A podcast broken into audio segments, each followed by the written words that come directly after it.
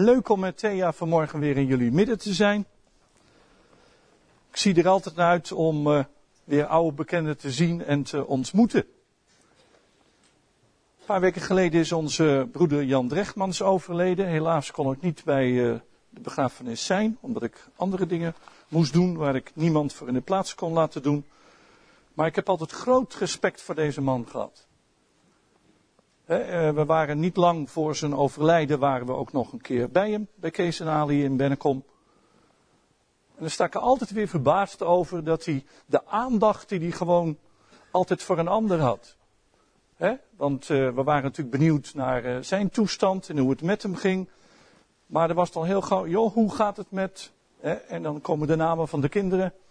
En dan was hij altijd heel erg belangstellend. En toen ik 25 was, was ik hier al, uh, al oudste. En toen in het begin ging ik altijd met hem op huisbezoek. En dan, uh, dan kwam hij altijd kwam die bij ons eten van tevoren. En had hij altijd, de kinderen weten het nog, een cadeautje meegenomen. En dat was elke keer altijd hetzelfde. Dus de kinderen begonnen bijna al te glimlachen als ome Jan zijn cadeautje tevoorschijn haalde en dat uh, toen aan Attie gaf. Maar ik heb altijd veel van deze man gehouden en groot respect voor hem gehad.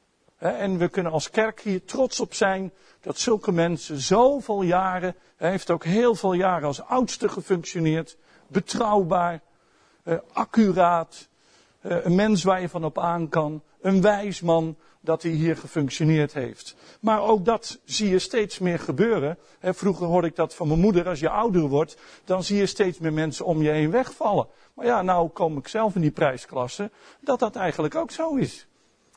en, maar we kunnen met dankbaarheid gewoon op hem, uh, op hem terugzien. Heb je de PowerPoint voor elkaar gekregen?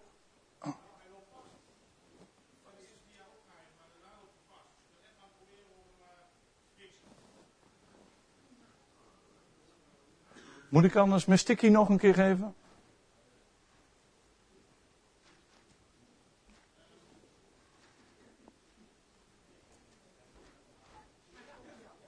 Daar komt hij. Juist. Wat zeg je? De tweede dia. Thea, wil jij even die. Uh...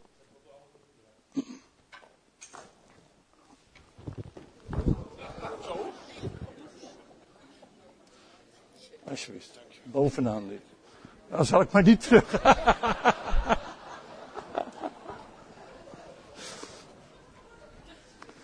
kon vroeger wel erg hoog springen, maar uh, dat waag ik er nou nog maar niet op. Goed, we gaan met elkaar wat uh, lezen uit Jezaja. En vanaf Jezaja 30 vanaf vers 15.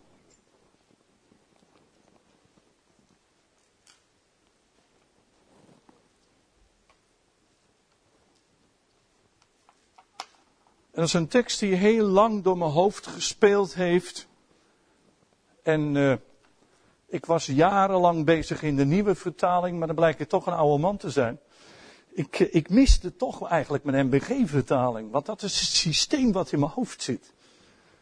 Ik heb zo mijn best gedaan om teksten op een andere manier uit mijn hoofd te leren, maar ik, eh, ik kom elke keer weer op deze manier, dus ik lees toch maar weer in de MBG, als u het niet erg vindt daarom heb ik mijn preek ook genoemd. Daarom verlangt de Heer naar om ons genadig te zijn. Dat vind ik zo'n mooie zin. Maar het is altijd goed om het in de context te lezen. En daarom beginnen we bij vers 15. Want zo zegt de Heere Heere, de Heilige Israëls. Door bekering en rust zult gij verlost worden. In stilheid en vertrouwen zou u sterk te zijn. Maar je hebt niet gewild. Je hebt gezegd, nee, op paarden zullen wij voortvliegen. Daarom zult, zult gij vlieden. En op snelle rossen zullen wij rijden. Daarom zullen uw achtervolgen snel zijn. Duizend zullen er vluchten voor het dreigen van één.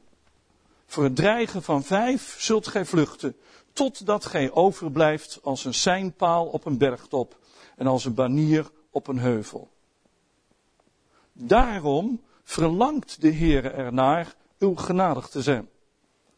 En daarom zal hij zich verheffen om zich over u te ontfermen, want de Heere is een God van recht. Welzalig alle die op hem wachten. Want geen volk dat op Sion in Jeruzalem woont, gij zult niet blijven wenen. Hij zal u zeker genadig zijn op uw luid geroep. Zodra je dat hoort, zal u antwoorden. De Heer heeft u wel brood der benauwdheid en water der verdrukking gegeven, maar uw leraars zullen zich niet meer verbergen. Doch uw ogen zullen uw leraars zien. En wanneer gij rechts of wanneer gij links zoudt willen gaan, zullen uw oren achter u het woord horen. Dit is de weg, wandelt erop. Dan zult u het zilveren overtrek van uw gesneden beelden en het gouden bekleedsel van uw gegoten beelden onreinachten. Gij zult ze als iets onreins wegwerpen. Weg, zult gij tegen zeggen. Dan zal hij regen geven voor het zaad waarmee gij uw akker bezaait en brood als opbrengst van de akker dat smakelijk en voedzaam zal wezen. Uw vee zal te dien dagen op uitgestrekte weiden grazen en de runderen en ezels die de akker bewerken zullen gezouten voeder eten dat gezeefd is met wan en zeef. En op elke hoge berg en op elke verheven heuvel zullen beken, waterstromen zijn ten dagen van de grote slachting. Wanneer de torens zullen vallen, dan zal het licht der blanke maan zijn als het licht van de gloeiende zon. En het licht van de gloeiende zon zevenvoudig als het licht van zeven dagen. Op de dag waarop de Heere de breuk van zijn volk verbindt en de toegebrachte wonden geneest. Tot zover. Volgende plaatje graag. Gaat het lukken? Geweldig. Wij leven in een maatschappij waar aan alles en iedereen hoge eisen wordt gesteld. Degenen die hier op een werk functioneren, die weten dat. Het is nooit goed genoeg. Het moet altijd beter. Reorganisaties, opreorganisaties, blijken niet te functioneren, nieuwe mensen aangesteld worden. Het moet maar beter. Maar dat is wel het leven waarin we zijn. Dat valt me op elk niveau op. Uh, problemen in relaties, huizen oog. Maar de eisen die we tegenwoordig aan elkaar stellen zijn ook huizenhoog. En dan denk ik wel eens, vroeger waren er ook slechte huwelijken. Maar tegenwoordig lijkt het wel dat als je het niet goed kan vinden, dan moet je maar uit elkaar. Van de enige trouw en liefde, verdraagzaamheid, is soms ongelooflijk weinig te vinden. Dat komt door de hoge eisen. En als we als christenen daar niet voor oppassen, gaan we er weer mee. We zijn kritisch.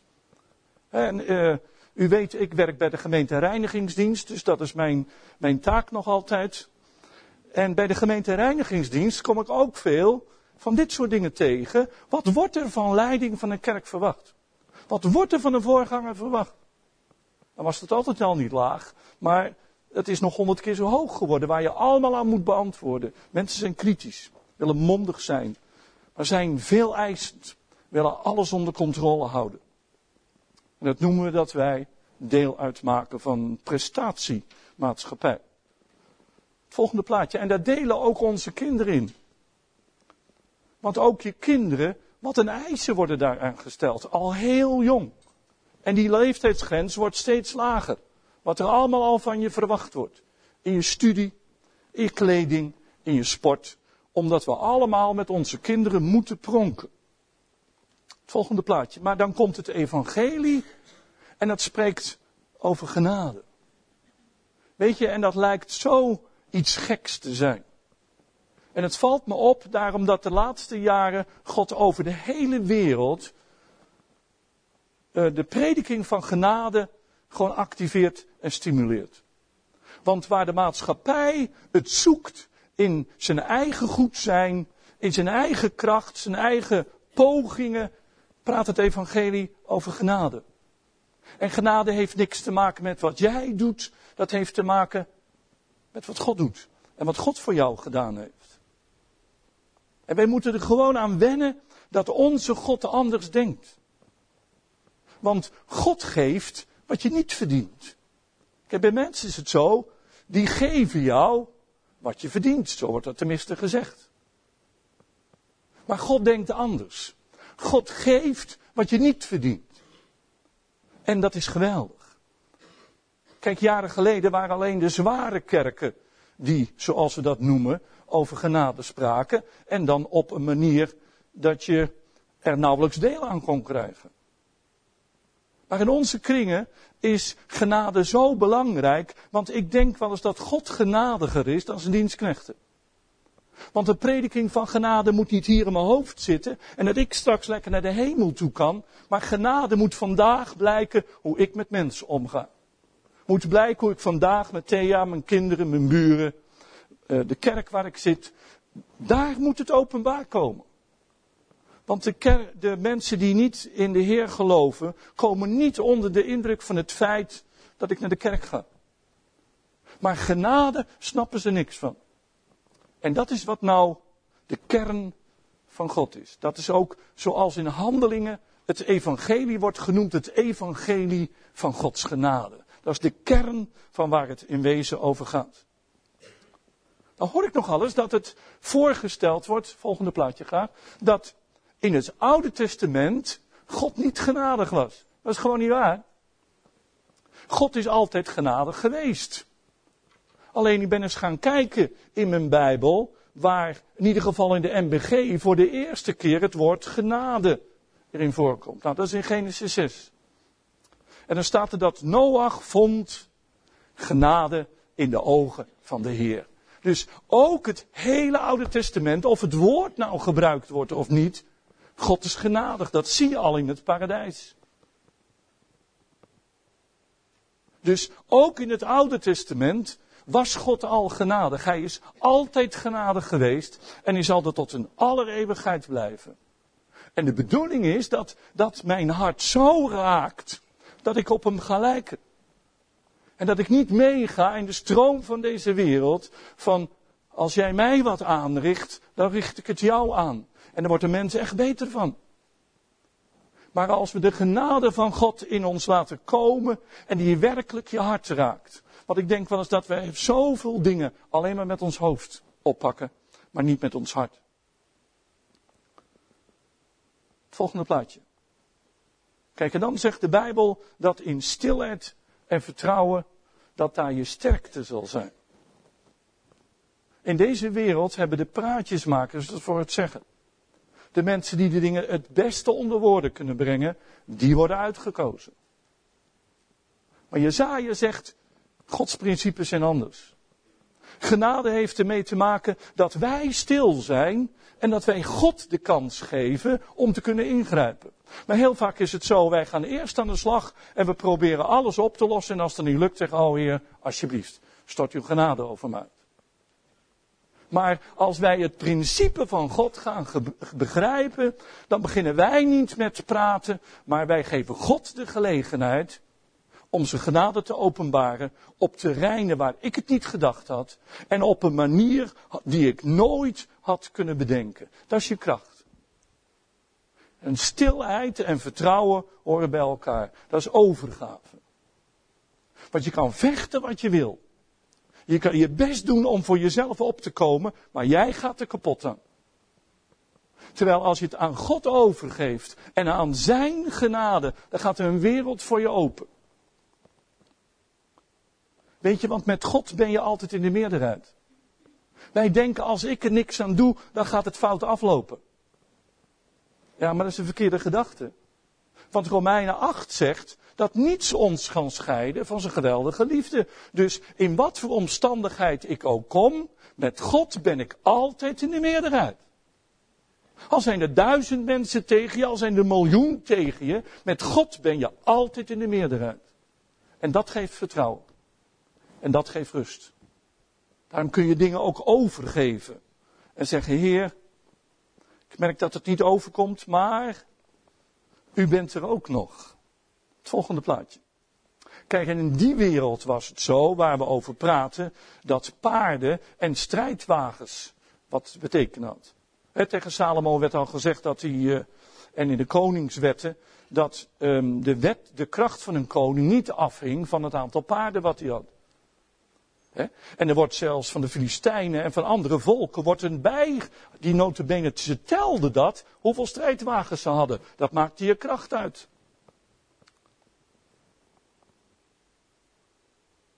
Maar God wil op een andere manier werken. En het volk Israël hier was als opstandige kinderen, zoals Jezaja zegt. Die zeggen, nee, wij doen het op onze manier. Maar we moeten God onthouden. Ik kan God alleen maar dienen op zijn manier. Ik kan mijn manier wel ernaast zetten, maar dat doet er niet toe. Ik kan God alleen maar dienen op mijn manier. En mijn oplossingen, jongens, dat stelt helemaal niks voor. En als het even wat lijkt, dat is allemaal maar tijdelijk. En bij hen was het paarden en strijdwagens. En wij hebben in deze tijd allerlei andere dingen. Want wat bij mensen sterk is, is in Gods ogen zwak. En wat in de ogen van mensen zwak is, dat is sterk bij God. Wat bij mensen wijs is, is bij God gewoon dwaas. Is dom bij God. Maar wat bij de mensen dwaas is, is wijsheid bij God. Dat is een ander principe. En daarom moet je ook constant oppassen dat je je niet um, laat indoctrineren door het systeem van deze wereld. Want God is een genadige God. Het volgende plaatje. Daarom wordt het nog een keer gezegd, de Heere verlangt ernaar om jou genadig te zijn. Weet je dat ik er vaak verbaasd over sta dat wij dat zomaar zeggen. Ja, ja, oké, oké, ja, ja, fijn, fijn. Ja, gelukkig ga lekker naar de hemel, niet naar de hel, gelukkig. Sommigen geloven daar meer in, maar vooruit. Ik, ik ga in ieder geval naar de hemel. Ja, maar zo werkt dat niet dan heb je nog steeds niet begrepen waar het over gaat. Want als Gods genade werk je leven je binnenkomt, zeg je, ik? Ik? Echt waar, God? Er zijn veel betere mensen. Er zijn mensen die het heel anders afbrengen dan ik. Ik geloof dat ik wel eens een keertje ook die lijst toen hier genoemd heb. Maar als ik het wel gedaan heb, dan uh, is het een herhaling. Ik noem wat mensen uit de Bijbel. Ik heb het een keer uh, op internet gevonden en dat vond ik erg leuk. Want wij denken dat God denkt in capabele mensen. Mensen die in onze ogen goed zijn. Maar God gebruikte Noach. En die was dronken. Abraham was erg oud. Isaac was een dagdromer. Jacob was een leugenaar. En Lea was geel. Jozef werd misbruikt. Mozes, David en Paulus waren moordenaars. Gideon was bang. Rahab was een vrouw van lichte zeden.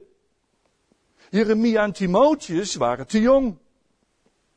David deed net of hij gek was. Hij ging vreemd en sloeg op de vlucht voor zijn eigen zoon. Elia had zelfmoordgedachten, ook al klonk het heel christelijk. Jezaja preekte in zijn aki. Nou, het idee. Die worden hier niet toegelaten bij jullie. En terecht. Jona liep weg voor God. Naomi was een weduwe. Job raakte alles kwijt. Johannes de Doper had sprinkhanen. Petrus was een flap uit en een driftkop. Johannes had een hoge eigendunk. De discipelen die vielen tijdens het bidden in slaap. Martha was bezorgd over alles. Maria was te lui. Maria Magdalena was bezeten door demonen. De jongen met de vissen en de vijf broden was onbekend en is dat nog steeds. Zacchaeus was te klein. Johannes Marcus had de moed opgegeven. Timotheus had maagklachten en Lazarus die was dood. Nou, als God nou door zijn genade dit soort mensen kan gebruiken, mensen, dan komen wij er voor een aanmerking. Het is bij mij precies hetzelfde. Als je menselijk gekeken had, ik noemde net al dat ik 25 was, dat ik de oudste was, dat is menselijk gezien gewoon absurd. Maar God kijkt anders en denkt anders. En het is bij jou precies hetzelfde. Daarom moeten wij niet denken van, oh nou, ik kom er niet voor een aanmerking. Nee, je staat er wel verbaasd over, maar je bent gewoon kandidaat. God houdt andere normen erop aan. Volgende plaatje.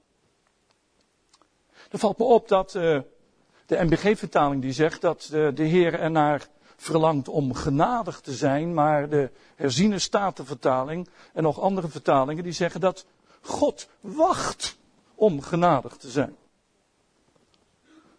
En dan wordt er eh, hier gezegd, welzalig, die op hem wachten. Wat is het nou? Wacht God nou op ons? Of wachten wij nou op God? Ja, wij denken van, ik moet op God wachten. Ja, maar weet je dat God soms op ons zit te wachten? Want God wil ons als mensen gebruiken. En soms kan die gewoon niet kwijt wat hij wel kwijt zou willen. Ik denk dat het een grote probleem voor God is. Dat hij zo graag zijn heerlijkheid wil openbaren. Hij wil zo graag genadig zijn. Maar hij kan het niet. Want wij vinden dat we op moeten treden. Wij vinden dat we moeten handelen. En ik laat niet over me lopen. Ja, wat moet God dan met zijn genade? En ik denk dat inderdaad God moet wachten soms om zijn genade te openbaren. Maar hij wil wel.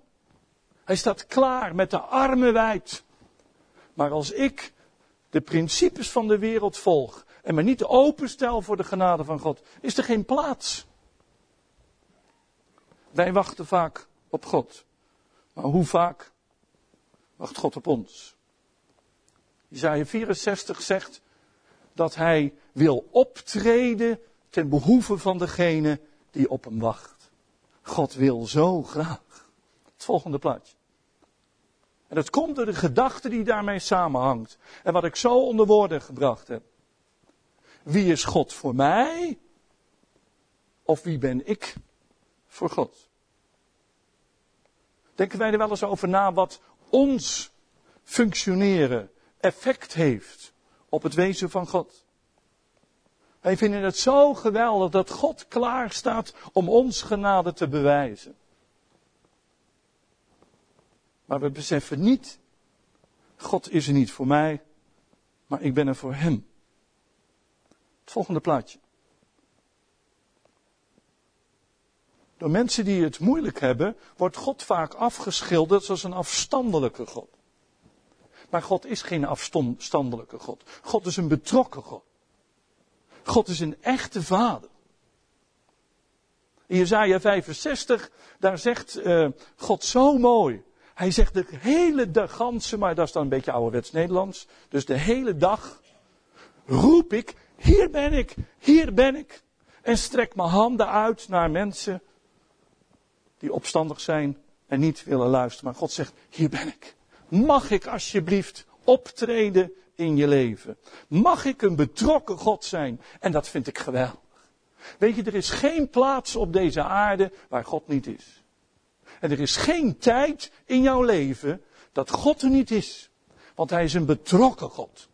Hij is een werkelijke vader die van je houdt.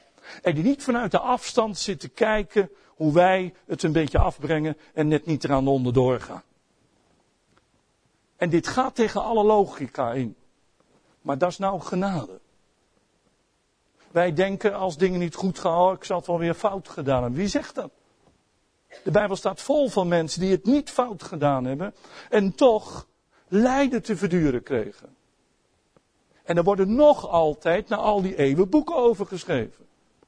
C.S. Lewis, een, eh, een bekende man, heeft daar zelfs hele goede dingen over gezegd. Maar dan nog ik kan alle boeken van de wereld lezen en alle theorieën, maar als ik zelf in lijden terechtkom, gaat het erom wat er in mijn hart zit. En ik weet waar ik over praat. Op dat moment gaat het er puur omdat ik geloof in een betrokken God. waarom ging Thea voor mij bidden toen ik die hartstilstand had? Omdat zij geloofde in een betrokken God. In een God die niet afstandelijk is, maar bij ons leven verbonden is. Ook al gaat het niet altijd zoals wij denken. Het volgende plaatje. Een uitdrukking die eigenlijk hetzelfde betekent. De Heere wil zich graag over ons ontfermen. genade is dat God geeft wat we niet verdienen. En ontferming dat hij ons niet geeft wat wij verdienen. Dus God is bewogen over jouw leven. Mensen, dat vind ik zo geweldig. De moeilijkste dingen in je leven, God is bewogen. God is een betrokken God die kan huilen over allerlei dingen die jouw leven binnenkomen. En het grootste bewijs is ervan dat het liefste wat hij had, dat hij erop uitgestuurd heeft. Kijk, er zijn mensen zat die zichzelf liefdevol vinden, maar ze doen ergens wat aan. Maar God heeft bewezen dat hij van jou en mij hield. En nog altijd houdt. Want het allerliefste wat hij had, heeft hij mens laten worden zoals jij en ik. Wij hebben geen afstandelijke God. We hebben Jezus Christus, het geheim. Colossense noemt Jezus zo mooi het geheimenis van God. God heeft daarin het geheim laten zien. Ik treed op ten behoeve van degene die op mij wacht. Ik ben met ontferming over jouw leven, ben ik daarin bewogen. Het volgende plaatje.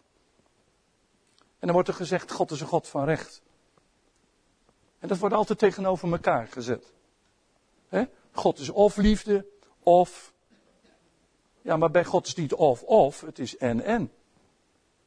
Hij is een God vol van genade. Hij verlangt ernaar om genadig te zijn. En omdat hij dat is, wil hij juist zijn rechtvaardigheid die er is, die wil hij openbaren. En dat hebben jullie mij wel eens vaker horen zeggen. Ik ben zo blij dat God een God van recht is. Dat hij een rechtvaardige God is. Zie ik dat altijd? Nee. Maar dit is de waarheid. En wat ik doe, als ik dingen lees in mijn Bijbel die op dat moment in mijn leven van toepassing zijn, dan leg ik mijn hand erop, dan zeg ik, Heer, dit geloof ik. Ik voel het niet, ik merk het nog niet, maar dit geloof ik. Dit is de waarheid. U bent een God van recht. Er zal een moment komen in mijn leven, of het nou hier op aarde zijn, zal zijn, of in de toekomst, of weet ik wat allemaal. Het zal openbaar komen dat u niet zomaar alle onrecht zomaar laat gebeuren. Dat is onze God. Dat is jouw God. Het volgende plaatje. En dan zegt de Heer, je zal niet blijven huilen. Want wanneer huilt de mens? Als er verdriet wordt aangedaan. Ik weet niet of jullie dat ook wel eens meemaken in je leven. Er is zoveel onrecht. En dat geeft zo'n gevoel van machteloosheid. Weet je, dat is wat ik altijd zo graag wil. Ik wil zo graag helpen. Maar er zijn problemen waar ik zo machteloos in ben. En machteloosheid, dat doet je huilen. Niet omdat je zo hysterisch bent, maar gewoon, dat geeft uitdrukking aan je ziel van wat er in je speelt, dat je zo onmachtig bent. Je wil zo graag helpen. En daar huil je van. Nou, ook onder kinderen van God wordt ongelooflijk gehuild. En de een uit dat door zijn tranen, en de ander, die kan dat niet uiten op die manier, maar die huilt van binnen. En dat ziet misschien niemand. Maar Jezaja zegt tegen het volk Israël, jullie zullen niet blijven huilen. Weet je, dat vind ik geweldig. Dus je hoeft je tranen niet weg te manoeuvreren. En je hoeft jezelf niet op te pompen, zo van stoer zijn en rubbo. Nee, helemaal niks. Je hoeft je niet op te pompen. God zegt, als je nu huilt, je zal niet blijven huilen. Want ik zal komen in je leven om mijn ontferming en mijn rechtvaardigheid over je uit te spreiden in je leven. En dat vind ik geweldig. Dus als er dingen in je leven zijn waar je over huilt, God belooft, je zal niet blijven huilen. En dat betekent gewoon, je zal er niet aan kapot gaan. En dat is het grote verschil met de wereld van vandaag. De wereld van vandaag, ja, dat is te gek. Daar kan je gewoon niet aan. Moet je gewoon mee stoppen. Maar God denkt anders. En God zegt, je zal niet blijven huilen. Want ik zal ervoor zorgen dat er voldoende genadig is. En daar, genade is. En daarom staat er ook meteen, staat er daarna, hij zal je zeker genadig zijn. Dat is absoluut zeker. Dat is geen vraagstuk. Het komt misschien op een ander moment dat jij het denkt, maar hij zal je zeker genadig zijn. Dat is nou geloven. Geloven is niet voelen. We hebben jarenlang eh, veel te weinig ruimte aan onze emoties gegeven. Maar dan moet je altijd oppassen dat je niet het tegenovergestelde noemt. Wat we zeggen tegenwoordig. Ja, dat voel ik niet zo. Ja, maar in moeilijke dingen doet het er niet over of ik het zo voel of niet. Op dat moment is het mijn geloof wat de Heer vastgrijpt. En zegt, Heer, u belooft dat ik niet zal blijven huilen. En u belooft dat u mij zeker genadig zal zijn. En dat mag je geloven. Het volgende plaatje. Alleen wat doe je dan? Ja. Ja, dan ga je roepen. Nou, en als Nederlanders hebben we allemaal netjes leren bidden. Allemaal heel netjes. En als je ziet, die moslimvrouwen, die zijn overdreven, die schreeuwen hard. Ja, wat wil je als je man vermoord wordt? En wij? Ik ben het er niet mee eens hoor. Kijk, ik snap wel dat elke samenkomst hier alle zusters niet allemaal moeten gaan schreeuwen en gillen. Want die bidstonden heb ik ook wel meegemaakt. Dat ik denk, wat hoor ik toch? Hadden ze een bidstond naast mijn deur? Ja. Maar weet je wat de Bijbel gewoon zegt? Roep luid. Roep het uit. Als je het moeilijk hebt, een ander kan het overdreven vinden, maar uit je tegenover God. Je kan beter tegenover God uiten dan al die zogenaamde begripvolle mensen. Want God is werkelijk begripvol. En hij weet waar je over praat en heeft nog meegemaakt ook. Roep tot hem luid en God belooft dat hij zal antwoorden. Absoluut. volgende plaatje. Ja, soms zijn er periodes in ons leven. En dat noemt Jezaja hier brood der benauwdheid. Water der verdrukking. Nou, waar is je eten minimaal? Waar is je drinken minimaal? Als je in de gevangenis zit, ja, ik heb er nooit gezeten, dus eh, ze zeggen tegenwoordig allemaal dat de gevangenis in Nederland, dat is vijf sterren. Ja, maar in die tijd in ieder geval al niet. Dus daarom gebruikt de Bijbel het beeld dat in de gevangenis, als je verstoken bent van alles, dan heb je een piepklein beetje water dat je net genoeg krijgt. En je krijgt een piepklein beetje brood. Nou, God zegt uh, door middel van Jezaja ook, ja, dat kan wel eens in een periode zijn.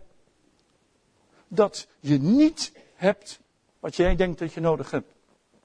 En dat je minimaal in je leven daar, daarmee om moet gaan. Dat je inderdaad het ervaart, ik zit in de gevangenis. Ik kom er niet uit. Het is zo karig.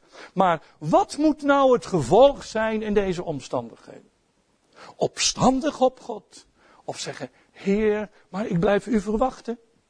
Heer, ik richt mijn ogen op u. Heer, ik kijk niet naar alle ellende, want dan, dan kom ik om. Maar soms laat God in ons leven toe. Waardoor wij leren, wat er ook gebeurt, om op God te vertrouwen. En we hebben jaren gezegd van, dat kan God zo niet doen. Maar het is ook een theorie. Want wat is goed en wat is kwaad? Hebben jullie dat al ontdekt in je leven? Wat is goed en wat is kwaad? Vroeger wist ik veel beter wat goed en kwaad is, maar nou weet ik het niet zo goed meer. Want soms zijn er dingen die ik kwaad vind, maar ze blijken goed te zijn. En soms zijn er dingen die ik goed vind, maar die blijken helemaal niet goed voor mij te zijn. Daarom kan een mens door een periode heen gaan. Waar je zegt, Heer, waar bent u nou? Want het voelt alsof u er niet bent. Het volgende plaatje. En dan is het zo belangrijk wat de profeet zegt, dat je ogen je leraars zullen zien. Nou weet ik dat sommige mensen niet van leraars houden. Volgens mij ben je nog niet genezen, want je hebt nog nooit ontdekt hoe goed dat is. Maar als je een vervelende leraar verschut gezet in een klas, denk je, oh leraars, die wil ik nooit meer zien. We hadden een uh, reunie van de kweekschool en was er een, een, een, een leraar Nederlands en Duits, die was daar. Nou, en dan zegt de Heer, je zal je leraar zien. Weet je dat wij dat zo nodig hebben? En dat is niet alleen omdat ik van preken hou. En dat is niet omdat ik daarvoor in de wieg gelegd ben. Maar weet je dat ieder mens, dat hij leraars nodig heeft die hem de weg wijzen? En of dat Dirk Prins is of Joyce Meyer eh, of Jozef Prins, wie je favoriet ook is, maakt me niet uit. Als je maar je oog op Jezus rust. En de een zegt het anders, en de een doet het anders, en een ander denkt, nou, dat is echt die cultuur. Maar God, is, voor God is dat onbelangrijk. Je ogen moeten je leraar zien. En die moeten tegen jou zeggen waar je oog op moet houden. Want weet je, als je midden in de problemen zit. Eh, toen ik die hartstilstand had, dacht je dat als Thea geluisterd had naar mijn eigen vleeselijke broers en zusters. Die hebben rustig tegen mijn kinderen gezegd van, uh, ja, het, het, zal wel niet goed aflopen met jullie vader. Ja, dan moet je vooral naar luisteren. Daar heb je wat aan zulke mensen. Wat je op dat moment nodig hebt, dat zijn leraars die zeggen, ja maar wacht eens even, God zegt dit. En daar hou ik me aan vast. Dat is het antwoord. Weet je, en daarom moeten wij, en dat valt me in heel Nederland op hoor, er zijn veel teleurgestelde mensen. En teleurgestelde mensen die worden verblind. Want zelfs als je een bijbeltekst aan, zeggen ze, ja, dat zegt de Bijbel. Maar, ja jongens, als we zo ver zijn. Weet je, de bedoeling is dat, dat de prediker, dat hij het evangelie predikt aan de kerkbanken. Maar in veel kerken preken de kerkbanken. En die zeggen tegen de prediker, dat mag je preken en dat mag je niet preken. Dus je staat gewoon onder censuur. En nou is wel waar dat het goed is dat je reageert hoor, dat, dat ontken ik niet. Maar ga nou niet als bijbelteksten vanuit het hart van God komen. Ga er niet zeggen, ja joh, maar je moet niet zoveel over de Bijbel praten, want dat is theorie. Ja, bij jou misschien. En daarom heb je leraars nodig. Mannen en vrouwen van God. En of dat nou profeten zijn of op een andere manier. Maar het komt allemaal op hetzelfde neer. Even kijken, zijn we als de volgende. Want wat doen ze die zeggen, dit is de weg, wandelt erop. Je hebt wel de neiging af te wijken. En het lijkt wel niet erg liefdevol dat iemand tegen je zegt, zo moet je dat niet doen, want dit is de weg. Maar ik dank God voor mensen in mijn leven die dat gedaan hebben. Want daarom sta ik hier vanmorgen. En ik heb altijd gezegd, ik wil altijd mensen in mijn leven hebben en daar vraag ik ook om, die niet over futiliteitjes, maar over belangrijke dingen zeggen, ik, het is weg. Wandel erop. Als ik de neiging had, door allerlei dingen die ik zag, voor ogen zag, of naar, bij mezelf in mijn eigen leven keek, om de neiging, dan ben ik zo blij met mensen die, dat God mensen op je weg stuurt. En God weet waar ik naar verlang en waar ik naar uitzie. Dus er heeft gewoon nooit aan ontbroken. En daarom sta ik hier ook nog altijd. Dit is de weg. Wandel erop. Zorg dat er mensen in je leven zijn. En als, als ik, mijn preken, jouw stijl niet zijn, even goede vrienden jongens. Dat is toch geen probleem? Tegenwoordig zegt hij, ja dat is niet mijn stijl. Ja, zoals jij praat is mijn stijl ook niet. Luister dan naar een ander, als je maar luistert. Als je maar naar het woord van God luistert. Uit welk land je ook komt, wat je ook zegt. Als je maar het woord van God openbaart. Het volgende plaatje. Nou, als we dat doen, dan gaan de afgoden, die gaan we afleggen. En ik heb wel eens vaker gezegd, wat zijn afgoden? Afgoden is alles wat de plaats van God inneemt. zo zegt het boek in 1 Johannes 5 dat zo mooi. Nou, wat gaat er gebeuren als mijn ogen weer open gaan? Dan ga ik zien, hé, hey, er zijn dingen, dat het is me afgod geworden. Dat heb ik niet zo niet bedoeld, maar het is wel gebeurd. Nou, en dan zegt de Heer, weet je, er is maar één manier en dat is wegwezen. Afstand ervan nemen. Wat een ander er ook van vindt, als het voor jou een afgod is, bonjour uit je leven als je dat beter begrijpt. Weg ermee. En demonen gaan niet eerder weg voordat ik zeg, wegwezen jij. Want vroeger dacht ik ook, op, en dat deden we dan ook op stonden, er werd er voor mensen gebeden. Heer, ik bind die macht. Ja, maar zolang die mens dat niet wil, kan je machten binnen wat je wil. Maar dat gebeurt gewoon niet. Want die gaat niet eerder weg voordat ik het wil. Want het is mijn keuze. Ik moet afgoden beginnen er afstand van te nemen. En weg te gooien, te zeggen afgelopen. En dan zegt de Bijbel zo mooi, dan, volgende plaatje, dan gaat de hemel open. Dan gaat het regenen. Nou, daar hebben we in Nederland geen probleem mee. Het regent hier aardig wat. Maar regen heeft de mens nodig. Dat is het regen van de Heilige Geest. En daarom verlang ik ernaar dat jij en ik samen de komende jaren, dat we niet stilstaan bij het verleden alleen maar. En die zeggen, oh Bethel is ook niet meer wat het was hoor. Ja, je mond. Bid je knieën blauw, heb je dat al gedaan? Zeg, Heer, geef regen. We hebben gebrek aan uw regen van uw geest. Kom, Heer. Ik weet van alle kerken waar, lees daar maar over, waar een doorbraak van Gods geest is gekomen. Dat is omdat mensen zeggen, Heer. Want God wil wel. Kom. Geef regen, Heer. We komen om van de dorst. Volgende plaatje. Wij willen te eten hebben. Wij willen overvloed hebben. Volgende plaatje. We hebben ruimte nodig. Allemaal dingen die God in overvloed wil geven. En ik heb gezien, soms laat God in een bepaalde periode in een gemeente dingen toe. En waarom laat hij dingen toe? Niet dat je allemaal gedesillusioneerd wordt. Kijk, ik weet natuurlijk waar ik over praat, omdat ik inderdaad bijna twintig jaar voorganger van deze gemeente geweest ben. Nou, er zijn tijden geweest dat we het hartstikke moeilijk hadden. En er zijn gemeenten die. En er waren tijden dat, dat God geweldig gewerkt heeft. Maar als die tijd niet zo is, moet je niet gaan jeremiëren. Moet je zeggen, Heer, wij verlangen ernaar. En misschien moet ik wel weer op mijn knieën. Want we denken, dat zie ik ook vaak, dat gemeenten denken, ja, ja wij zijn het. Alles is genade. Alles is genade. Roep om de regen. En zeg, Heer, we verkommeren. We verlangen naar een grotere openbaring van u. volgende plaatje. En dat was me eigenlijk nog nooit opgevallen dat de Heer ook over licht praat. Dat is nou lichttherapie. Hebben jullie wel eens van lichttherapie gehoord? Sommige mensen hebben lichttherapie nodig. Licht is goed voor mensen. En dan zegt hij zo mooi, het licht van de blanke maan, zoals het licht zijn van de gloeiende zon. Dus de maan zijn licht, die wordt gepromoveerd. Die krijgt de dimensie. Nou, als de maan kan schijnen als de zon. En dan gaan we nog iets heel moois, staat er. En het licht van de gloeiende zon, zevenvoudig als het licht van zeven dagen. Mensen die problemen hebben met het scheppingsverhaal, zeggen ze, ja, er staat dat God het licht schiep en de zon kwam pas later.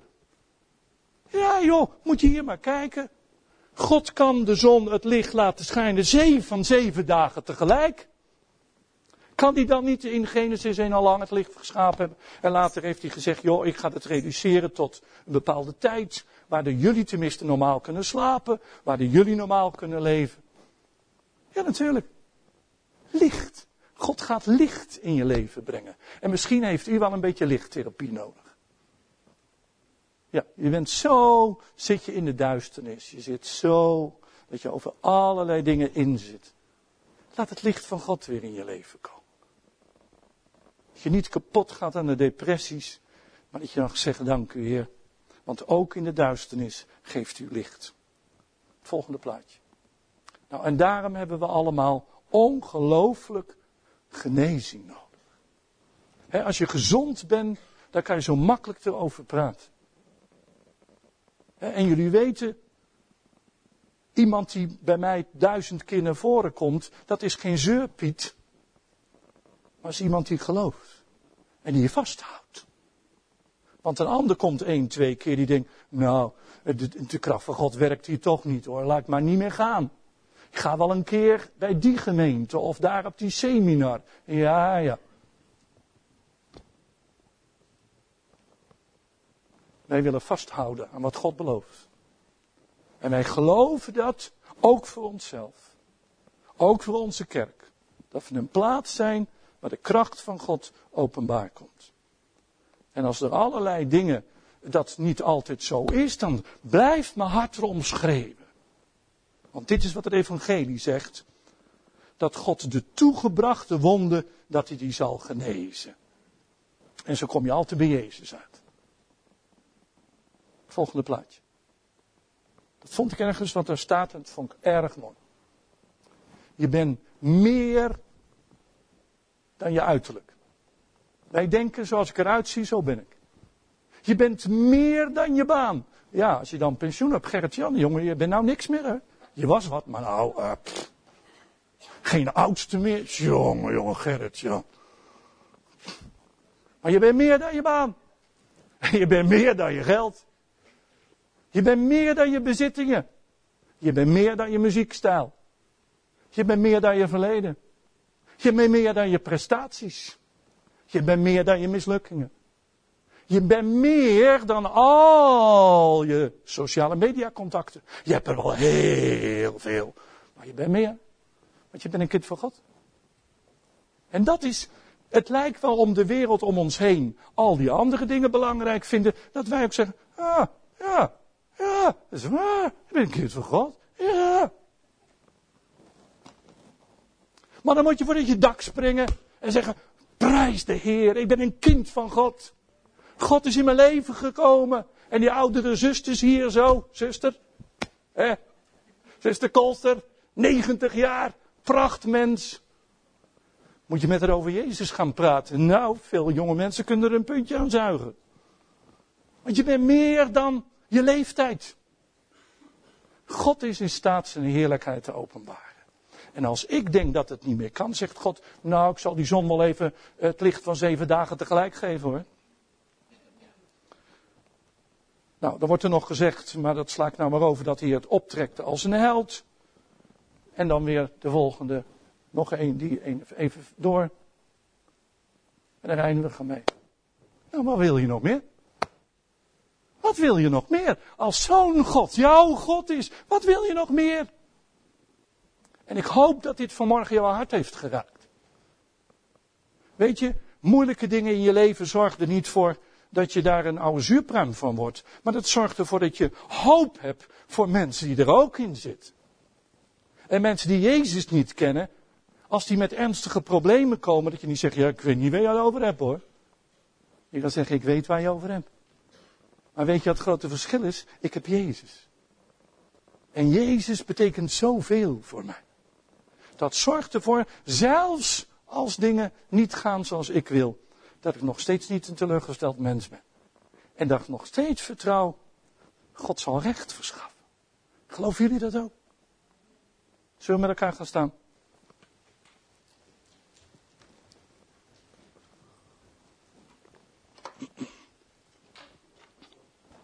Dank u Heer voor deze morgen. Het geweldig is om u te prijzen. Heer, maar ik ben er elke keer weer enthousiast over. Hoe oud een vertaling ook is. En hoe, hoe lang we ook al Bijbelteksten weten. Als u het tot leven brengt, Heer, dan zeggen we, dit is het. Vader, ik wil al deze kostbare mensen bij u brengen, jong en oud, mannen, vrouwen, met baan, zonder baan. Mensen die alles van sociale media snappen en mensen die er niks van snappen. Allerlei soorten. Heer, maar u zegt vanmorgen tegen ons persoonlijk, als een persoonlijke boodschap, dat u ernaar verlangt om ons genadig te zijn. En als je aan je eigen leven denkt, in wat voor omstandigheid je ook bent, heb je moeite in je lichaam, heb je moeite in je gezin, heb je moeite in je huwelijk, heb je moeite in je financiële omstandigheden, heb je moeilijk op je werk, zijn er allerlei mensen die negatieve dingen die over je zeggen. Maar Gods boodschap vanmorgen is, Hij wil je genadig zijn. En als mensen zijn we gewend om op te noemen wat wij allemaal doen. Maar genade is niet wat ik doe, genade is wat God doet. En vanmorgen zijn jullie allemaal kandidaten van Gods genade. En God wil het onverdiend over je uitgieten. Ik weet het zelf ook. Natuurlijk, soms willen we allemaal, omdat we oplossingen willen hebben voor onbeantwoorde vraagstukken, dat we van allerlei dingen gaan zeggen. Maar je bent tot de ontdekking gekomen, het is gewoon niet waar. Want het is genade. Ik kan wel denken dat het aan mij ligt. Ik kan wel denken aan allerlei dingen die ik doe of die ik ben.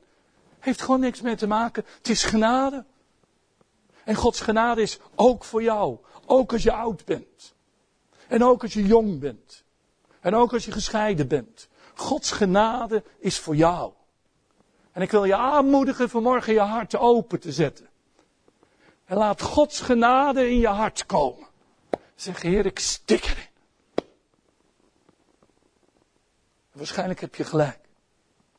Maar blijf er niet bij stilstaan. Open vanmorgen je hart en zeg, Heer, stort uw genade in mij. Ik heb het niet verdiend. Maar doe het, Heer. Wat vanmorgen ook de dingen zijn waar jij je zorgen over maakt. Want dat weet ik tegenwoordig ook. Als we bij elkaar komen, de samenkomst, is het zo goed dat we beginnen om God te aanbidden. Want in het begin aanbidden we nog altijd met een verdeeld hart. Want we maken ons zorgen over allerlei dingen. Maar we willen er los van komen. We willen ons oog op u laten richten. En zeggen, Heer, er is hoop. Want u bent vol van genade. En als u vanmorgen mensen onder ons zijn die zeggen, ik heb het zo ongelooflijk verkeerd gedaan de afgelopen tijd. Er is genade voor jou.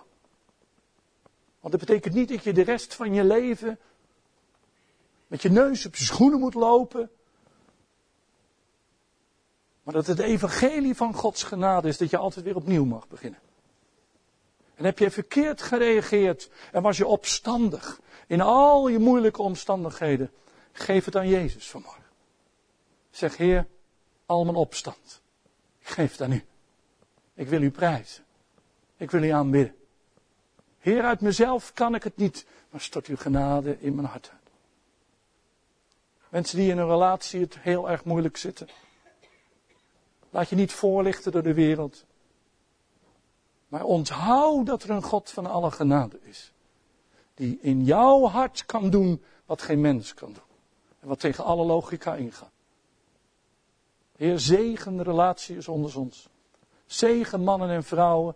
Dat deze kerk prachtige huwelijken mag voortbrengen. Om tot de zegen van een ander te zijn.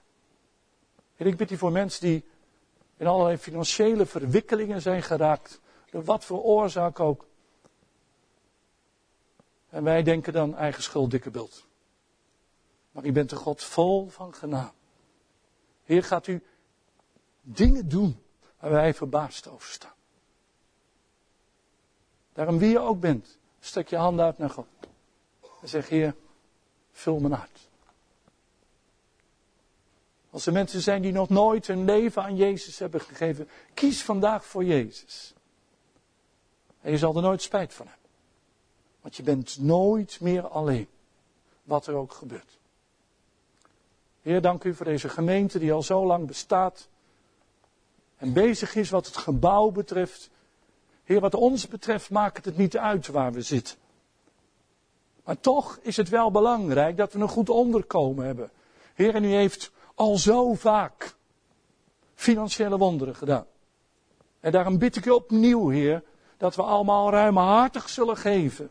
Maar wat ons ontbreekt, dat u zegt, stort het je. Heer, want deze kerk wil niet 50 jaar bestaan, maar die wil 100, 150, 200 enzovoort gaan. Om de oogst van uw koninkrijk binnen te brengen. Heer, gaat u ook dit vlak, gaat u ook daarin rijkelijk voorzien. Ik dank u voor al die mensen die de afgelopen jaren, soms wist ik dat en soms wist ik dat niet. Maar mensen die ongelooflijk offers hebben gebracht. Heer, wilt u ze extra zegenen. Zoals die weduwe die penningske gaf. En u positief over haar sprak. Heer, zo wil ik vandaag zegen uitspreken over mensen die de afgelopen jaren ongelooflijk geofferd hebben. En de eeuwigheid zal registreren wat op je hemelse bankrekening staat. Daar heb je niet voor gedaan. Maar God zal het niet vergeten. Daarom willen we elkaar ook aan je opdragen. Dat we echt van elkaar houden, Heer.